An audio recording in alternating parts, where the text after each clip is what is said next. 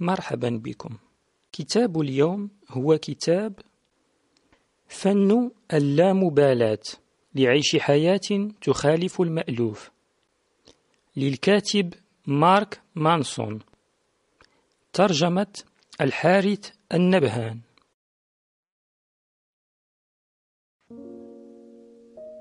الفصل الأول. لا تحاول. كان تشارلز بوكوفسكي مدمنا على الكحول وكان مقامرا وزير نساء وبخيلا وأخرقا ومتهربا من سداد ديونه. وكان في أسوأ أيامه شاعرا لعله آخر شخص على وجه الأرض يمكن أن تلتفت إليه طالبا منه نصيحة من أجل حياتك. أو آخر شخص يمكن أن تصادفه في أي نوع من أنواع كتب المساعدة الذاتية وتطوير الذات أو ال self help أو ال self help وهي مساعدة الذات وهذا ما يجعله نقطة بداية مثالية لهذا الكتاب. أراد بوكوفسكي أن يكون كاتبا لكن عمله ظل عقودا من السنين يواجه أو يواجه بالرفض. من جانب كل مجلة وصحيفة ونشرة دولية وناشر يعرض ذلك الكتاب عليه. كانوا يقولون إنه عمل في غاية السوء. عمل فظ ومقزز وفقير ومع تراكم رسائل الرفض عليه كان ثقل الفشل المتزايد يدفعه أعمق فأعمق في هاوية اكتئاب يغذيه الكحول. اكتئاب لم يفارقه معظم فترة حياته. كان لدى بوكوفسكي عمل نهاري في تصنيف رسائل في أحد مكاتب البريد مقابل أجر قليل جدا وكان ينفق أكثر ذلك المال على الشراب. ثم يخسر بقيته في القمار. كان يشرب وحيدا في الليل ويكتب بعض الشعر أحيانا على آلة كاتبة عتيقة كان يملكها. كثيرا ما يستيقظ فيجد نفسه نائما على الأرض حيث فقد وعيه في الليلة السابقة. مضت ثلاثون سنة في هذه الحال. ثلاثون سنة كان الشطر الأعظم منها سديما عديم المعنى من الكحول والقمار والعاهرات.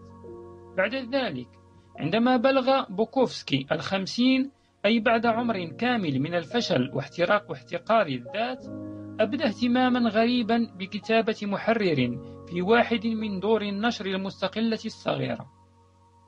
ما كان ذلك المحرر قادرا على منح بوكوفسكي مالا كثيرا ولا على وعده بمبيعات كثيرة. لكنه أظهر عطفا غريبا تجاه ذلك السكير الفاشل فقرر المراهنة عليه. أدرك بوكوفسكي أن تلك كانت أول صفقة حقيقية يحصل عليها وأدرك أنه من الممكن أن تكون آخر صفقة تأتيه أيضا. كتب في رده على رسالة المحرر لي أن أختار واحدا من اثنين البقاء في مكتب البريد حتى أجن تماما أو البقاء هنا في الخارج لتمثيل دور الكاتب والتدور جوعا. ولقد قررت أن أتدور جوعا.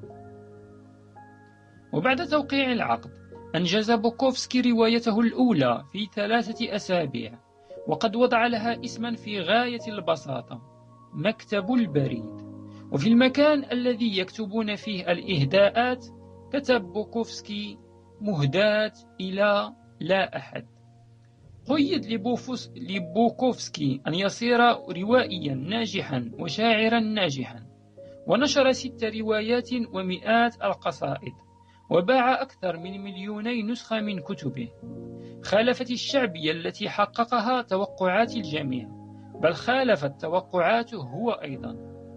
تشكل قصص الناس من أمثال بوكوفسكي قوتا يوميا لحكاياتنا الثقافية. وتجسد حياة بوكوفسكي الحلم الأمريكي.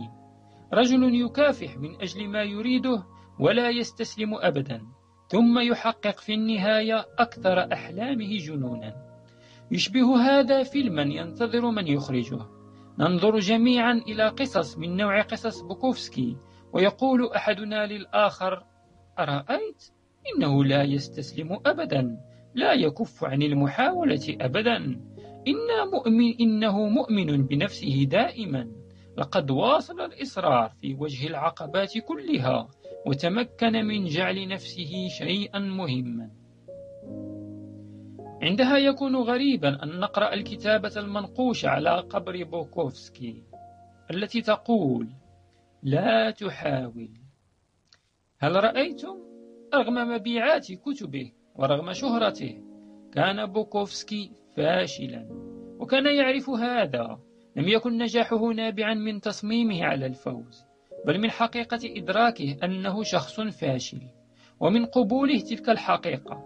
ثم من كتابه عنها أو كتابته عنها بكل صدق. لم يحاول بوكوفسكي أبدا أن يكون شيئا غير ما كانه حقا. ليست عبقرية أعمال بوكوفسكي كامنة في التغلب على عقبات لا يصدقها عقل. ولا في تطوير نفسه إلى أن يصير نبراسا أدبيا متألقا. كان الأمر عكس ذلك تماما.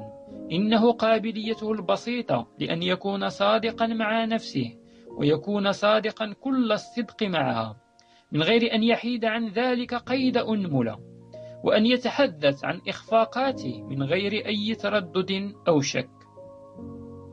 تكلم في القصة الحقيقية لنجاح بوكوفسكي. إحساسه بالراحة تجاه نفسه واتجاه فشله. فلم يكن بوكوفسكي مباليا بالنجاح وحتى بعد أن صار مشهورا ظل يستقبل في لقاءات قراءاته الشعرية أشخاصا بؤساء أساءت إليهم الحياة إساءة حقيقية. ظل يكشف عن, عري عن عريه أمام الناس ويحاول أن ينام مع كل امرأة يستطيع العثور عليها. لم يجعله النجاح والشهرة شخصا أحسن من ذي قبل ولم يصبح ناجحا شهيرا عن طريق تحوله إلى شخص أفضل. كثيرا ما يأتي النجاح والتطور الذاتي مترافقين معا لكن هذا لا يعني بالضرورة أنهما شيء واحد. تركز ثقافتنا اليوم تركيزا مفرطا يكاد يكون حصريا على التوقعات والآمال الإيجابية إلى حد غير واقعي كن أكثر سعادة كن أكثر صحة كن الأفضل كن أحسن من الآخرين كن أكثر ذكاء أكثر سرعة أكثر ثراء وأكثر وأكثر وأكثر. كن كاملا مدهشا. وتبرز سبيكة ذهبية من عيار 24 قيراطا قبل إفطارك كل يوم. وأنت تمنح زوجتك الجميلة وأطفالك قبلة الصباح. ثم انطلق بطائرتك الهليكوبتر الخاصة إلى عملك الرائع أو عملك الرائع الذي يرضي طموحك حيث تمضي أيامك في أداء مهام كبيرة المغزى إلى حد لا يصدق. أعمال من المحتمل أن تنقذ هذا الكوكب ذات يوم. لكنك إذا توقفت وفكرت في الأمر مليا ستجد أن النصائح التقليدية للحياة هي في واقع الأمر. نصائح ترتكز على ما أنت مفتقر إليه. إنها موجهة توجيها دقيقا مثل شعاع من الليزر إلى ما تراه نقائصك الشخصية ومواضع فشلك وهي تشدد عليك حتى تراها جيدا. فأنت تتعلم أشياء من أفضل الطرق لكسب المال لأنك تحس أن المال الذي تجنيه ليس كافيا. وأنت تقف أمام المرآة وتكرر عبارات تؤكد بها لنفسك على أنك شخص جميل لأنك تحس كما لو أنك لست جميلا. وأنت تتبع النصائح المتعلقة بالعلاقات والمواعدة لأنك تحس أنك شخص لا يمكن أن يحبه أحد. وأنت تجرب تمرينات غبية حمقاء تتصور نفسك من خلالها شخصا أكثر نجاحا. لأنك لا ترى نفسك ناجحا بما فيه الكفاية. والمفارقة المضحكة في ذلك كله أن هذا التركيز الشديد على ما هو إيجابي لا يفعل شيئا غير تذكيرنا مرة بعد مرة بما لسنا بما ليس فينا أو بما نحن مفتقرون إليه أو بما يجب أن نكونه لولا فشلنا. وفي آخر المطاف ندرك كلنا أن ما من امرأة سعيدة حقا تجد في نفسها حاجة إلى الوقوف أمام المرآة لتكرر القول إنها سعيدة إنها سعيدة بالفعل من غير حاجة لذلك. لديهم في تكساس مثل يقول أصغر الكلاب أشدها نباحا. لا يجد رجل واثق من نفسه حاجة إلى البرهنة أنه واثق من نفسه. ولا تجد امرأة ثرية حاجة إلى إقناع أي كان بأنها ثرية. إما أن تكون شيئا أو لا تكونه وإذا كنت تحلم بشيء ما طيلة الوقت فأنت تعزز الواقع نفسه مرة بعد مرة وتؤكد أنك لست كذلك. يحاول كل شخص ويحاول كل إعلان تلفزيوني جعلك مقتنعا بأن مفتاحك إلى الحياة والحياة الجيدة هو وظيفة أحسن من وظيفتك أو سيارة أكثر فخامة من سيارتك أو صديقة أكثر جمالا من صديقتك أو حوض استحمام حار له بركة قابلة للنفخ من أجل الأطفال.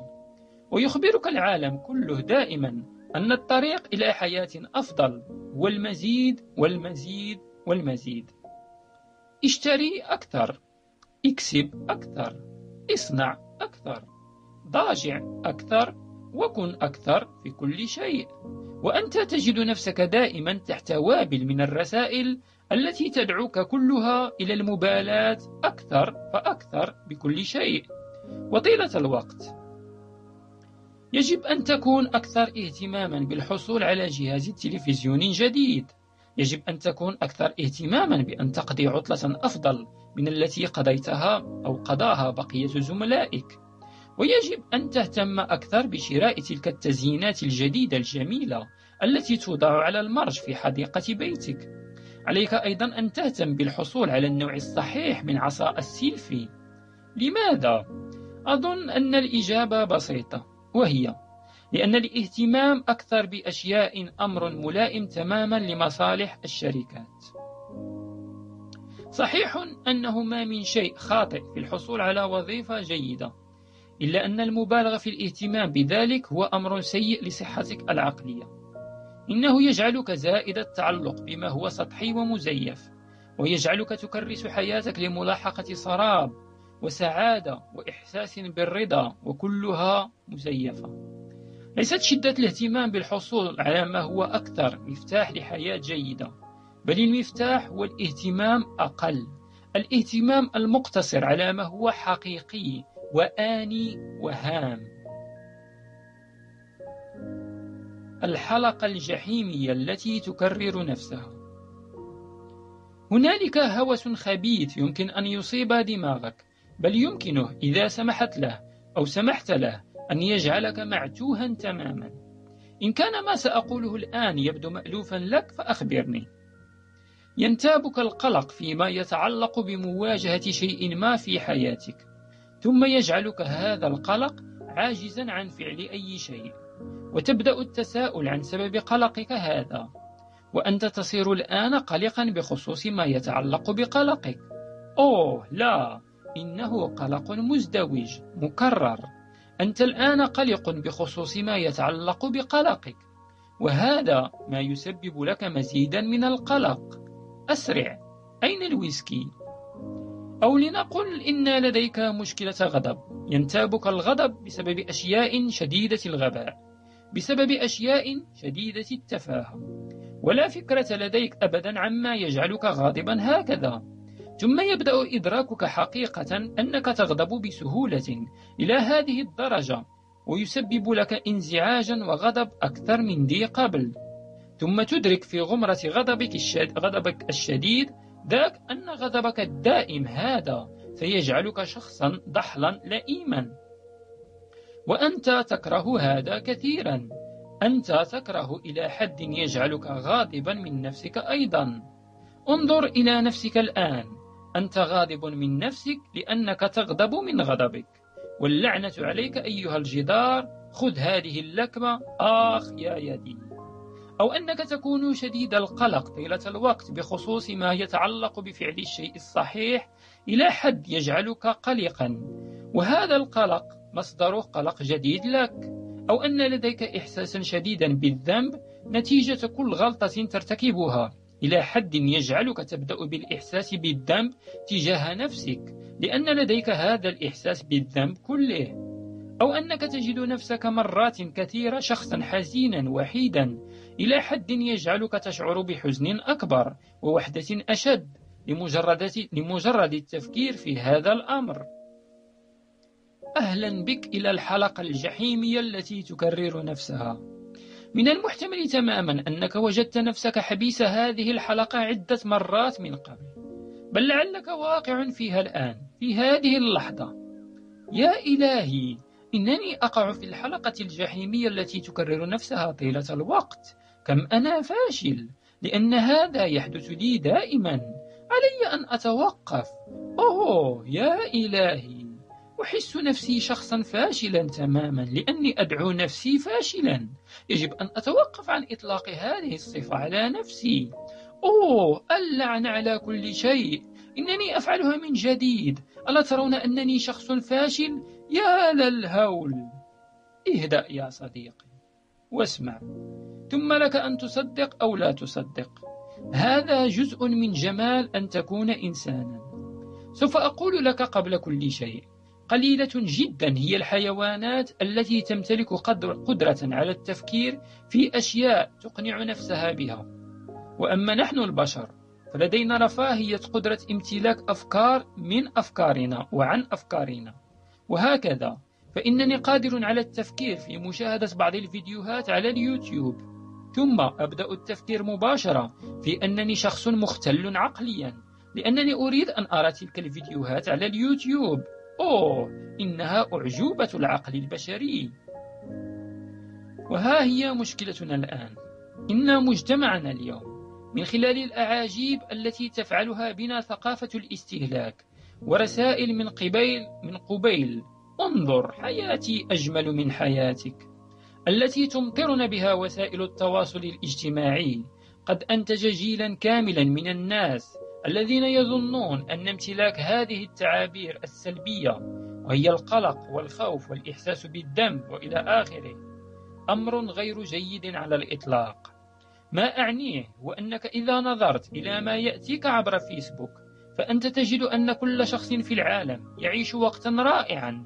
انظر تزوج ثمانية أشخاص هذا الأسبوع. وقد ظهرت على التلفزة فتاة في السادسة عشر من عمرها حصلت على سيارة فيراري هدية في عيد ميلادها. وهنالك طفل آخر كسب مليوني دولار لأنه اخترع تطبيقا يزودك أوتوماتيكيا بمزيد من ورق المرحاض هذا مذهل. أما أنت فإنك جالس في بيتك تنظف أسنان قطتك. لا يمكنك التفكير عند ذلك إلا أن حياتك بائسة. بل إنك تراها بائسة أكثر حتى أكثر مما كنت تظن. لقد صارت الحلقة الجحيمية التي تكرر نفسها جائحة متفشية في كل مكان وهي تجعل الكثيرين منا واقعين تحت ضغط نفسي زائد تجعلهم متوتري الأعصاب كثيرا وتجعلهم يكرهون أنفسهم إلى حد مبالغ فيه. في أيام أجدادنا كان الجد يمر بحالة سيئة فيقول في نفسه اللعن على هذا كله. من المؤكد أنني أشعر اليوم كما لو أني روت بقرة. لا أكثر لكن وماذا؟ أظن أن الحياة هكذا. فلأعد إلى جرف القش. وأما نحن فماذا لدينا الآن؟ الآن إذا انتابك شعور سيء تجاه نفسك. ولو مدة خمس دقائق فقط. فإنك تجد نفسك على الفور أمام مئات الصور لأشخاص سعداء تماما يعيشون حياة مدهشة إلى أقصى حد. ويصير من المستحيل أن ترد عن نفسك الإحساس بأن فيك بالتأكيد أشياء غير صحيحة حتى يكون وضعك أقل منهم. هذا الجزء الأخير هو ما يجعلنا نعاني. نشعر بالسوء لأننا نشعر بالسوء. ونشعر بالذنب لأننا نشعر بالذنب. ونغضب لأننا نشعر بالغضب. ونقلق لأننا نشعر بالقلق. أوف ما هي مشكلتي؟ هذا ما يجعل اللامبالاة أمرا حسنا. هذا ما يجعل عدم الإفراط في الاهتمام هو ما سينقذ العالم. وسوف تنقذه أنت من خلال قبولك أن العالم مكان سيء. وأن هذا شيء لا بأس به لأن العالم كان هكذا على الدوام ولأنه سيظل هكذا على الدوام. من خلال عدم اكتراثك بأن يكون لديك شعور سيء فإنك تبطل مفعول تلك الحلقة الجحيمية التي تكرر نفسها. أنت تقول لنفسك لدي إحساس سيء حسنا ما هي هذا؟ أو ما أهمية هذا؟ ثم وكأن أحدا رشك بمسحوق اللامبالاة السحري وتجد نفسك أنك قد توقفت عن كره نفسك لأنك تشعر بهذا السوء كله. لقد قال جورج أوروي إن قدرة المرء على رؤية ما هو أمام أنفه تماما في حاجة إلى نضال مستمر. جورج أورويل هو الذي كتب رواية 1984 وبالمناسبة هي موجودة في قناتي لمن أراد الاستماع لها. حسن جدا. إن الحل لقلقنا وتوترنا موجود أمام أنوفنا تماما لكننا منشغلون عنه بمشاهدة الأفلام الإباحية والإعلانات عن الآلات اللياقة البدنية التي لا نفع منها إلى حد يجعلنا غير قادرين على رؤية ذلك الحل. لأننا نمضي أوقاتنا في التساؤل عن السبب الذي يجعلنا غير قادرين على لفت أنظار فتاة شقراء مثيرة بعضلات بطوننا المشدودة. نتبادل عبر الإنترنت نكاتا عن مشكلات العالم الأول لكننا صرنا ضحايا نجاحنا في حقيقة الأمر.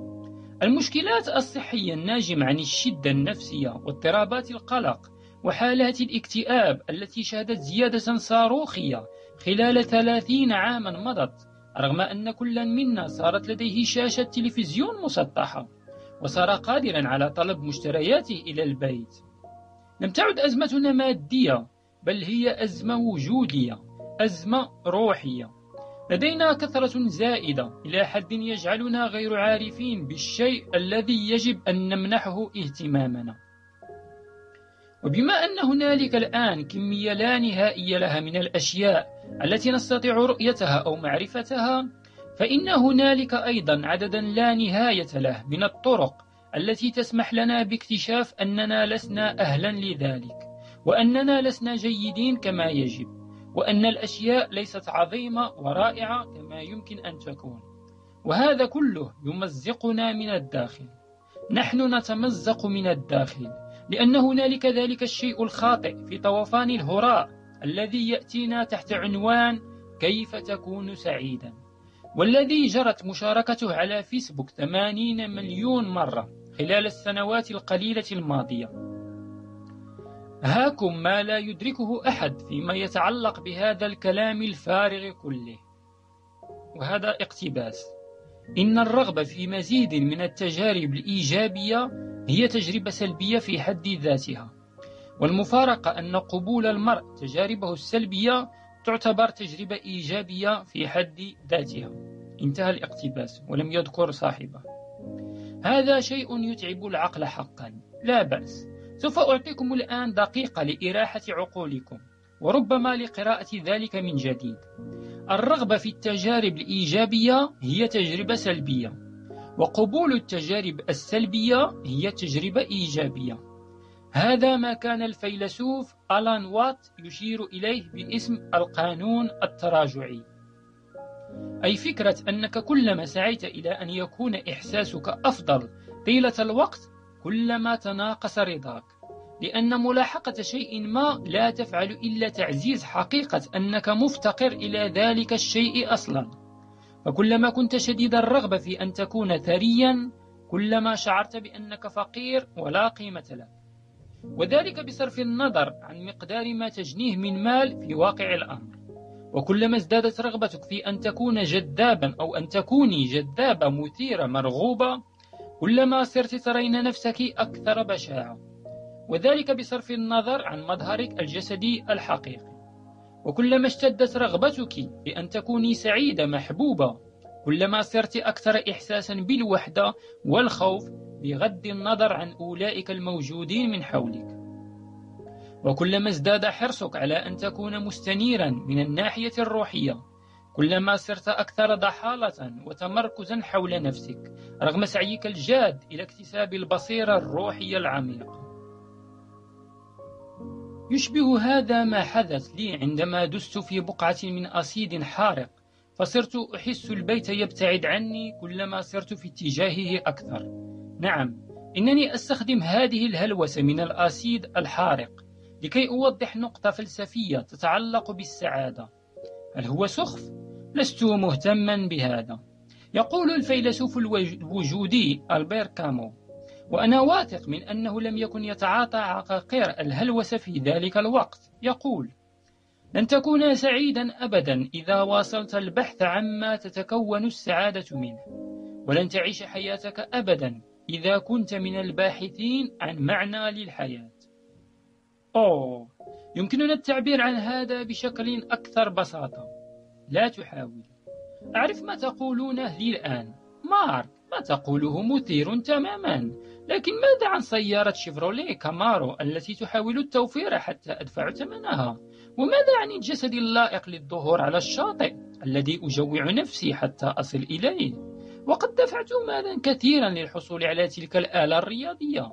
وماذا عن البيت الكبير على شاطئ البحيرة الذي أحلم به دائما؟ إذا توقفت عن المبالاة بهذه الأشياء فلن أحقق شيئا على الإطلاق. أنا لا أريد أن يحدث لي هذا بالطبع. يسرني أنكم تطرحون هذه الأسئلة. هل لاحظت في يوم من الأيام أن إنجازك في أمر من الأمور يتحسن؟ بعض الأحيان عندما يقل اهتمامك به وقلق وقلقك عليه. لاحظ كيف أن الشخص الذي يكون أكثر أحيانا الأقل استثمارا في نجاح شيء ما هو من ينتهي به الأمر إلى تحقيقه في آخر المطاف. ولاحظ أن كيف أن كل شيء يبدو وكأنه يتخذ موقعه الصحيح من تلقاء نفسه عندما تكف عن الأفراط في الاهتمام به. فما معنى هذا؟ ما يثير اهتمامي في القانون التراجعي هو أنه يدعى بالتراجعي لسبب وجيه إن لعدم المبالغة في الاهتمام مفعول عكسي. إذا كانت ملاحقة ما هو إيجابي هو بحد ذاته أمر سلبي فإن ملاحقة السلبي تولد ما هو إيجابي. الألم والمشقة اللذين يعرض المرء نفسه لهما في صالة التمرينات الرياضية يؤديان إلى صحة أفضل وإلى طاقة أكبر. وحالات الفشل في الأعمال هي ما تقود إلى فهم أفضل لما هو ضروري من أجل تحقيق النجاح. والأمر الغريب هو أن كونك منفتحا على منابع قلة أمانك يج... على منابع قلة أمانك.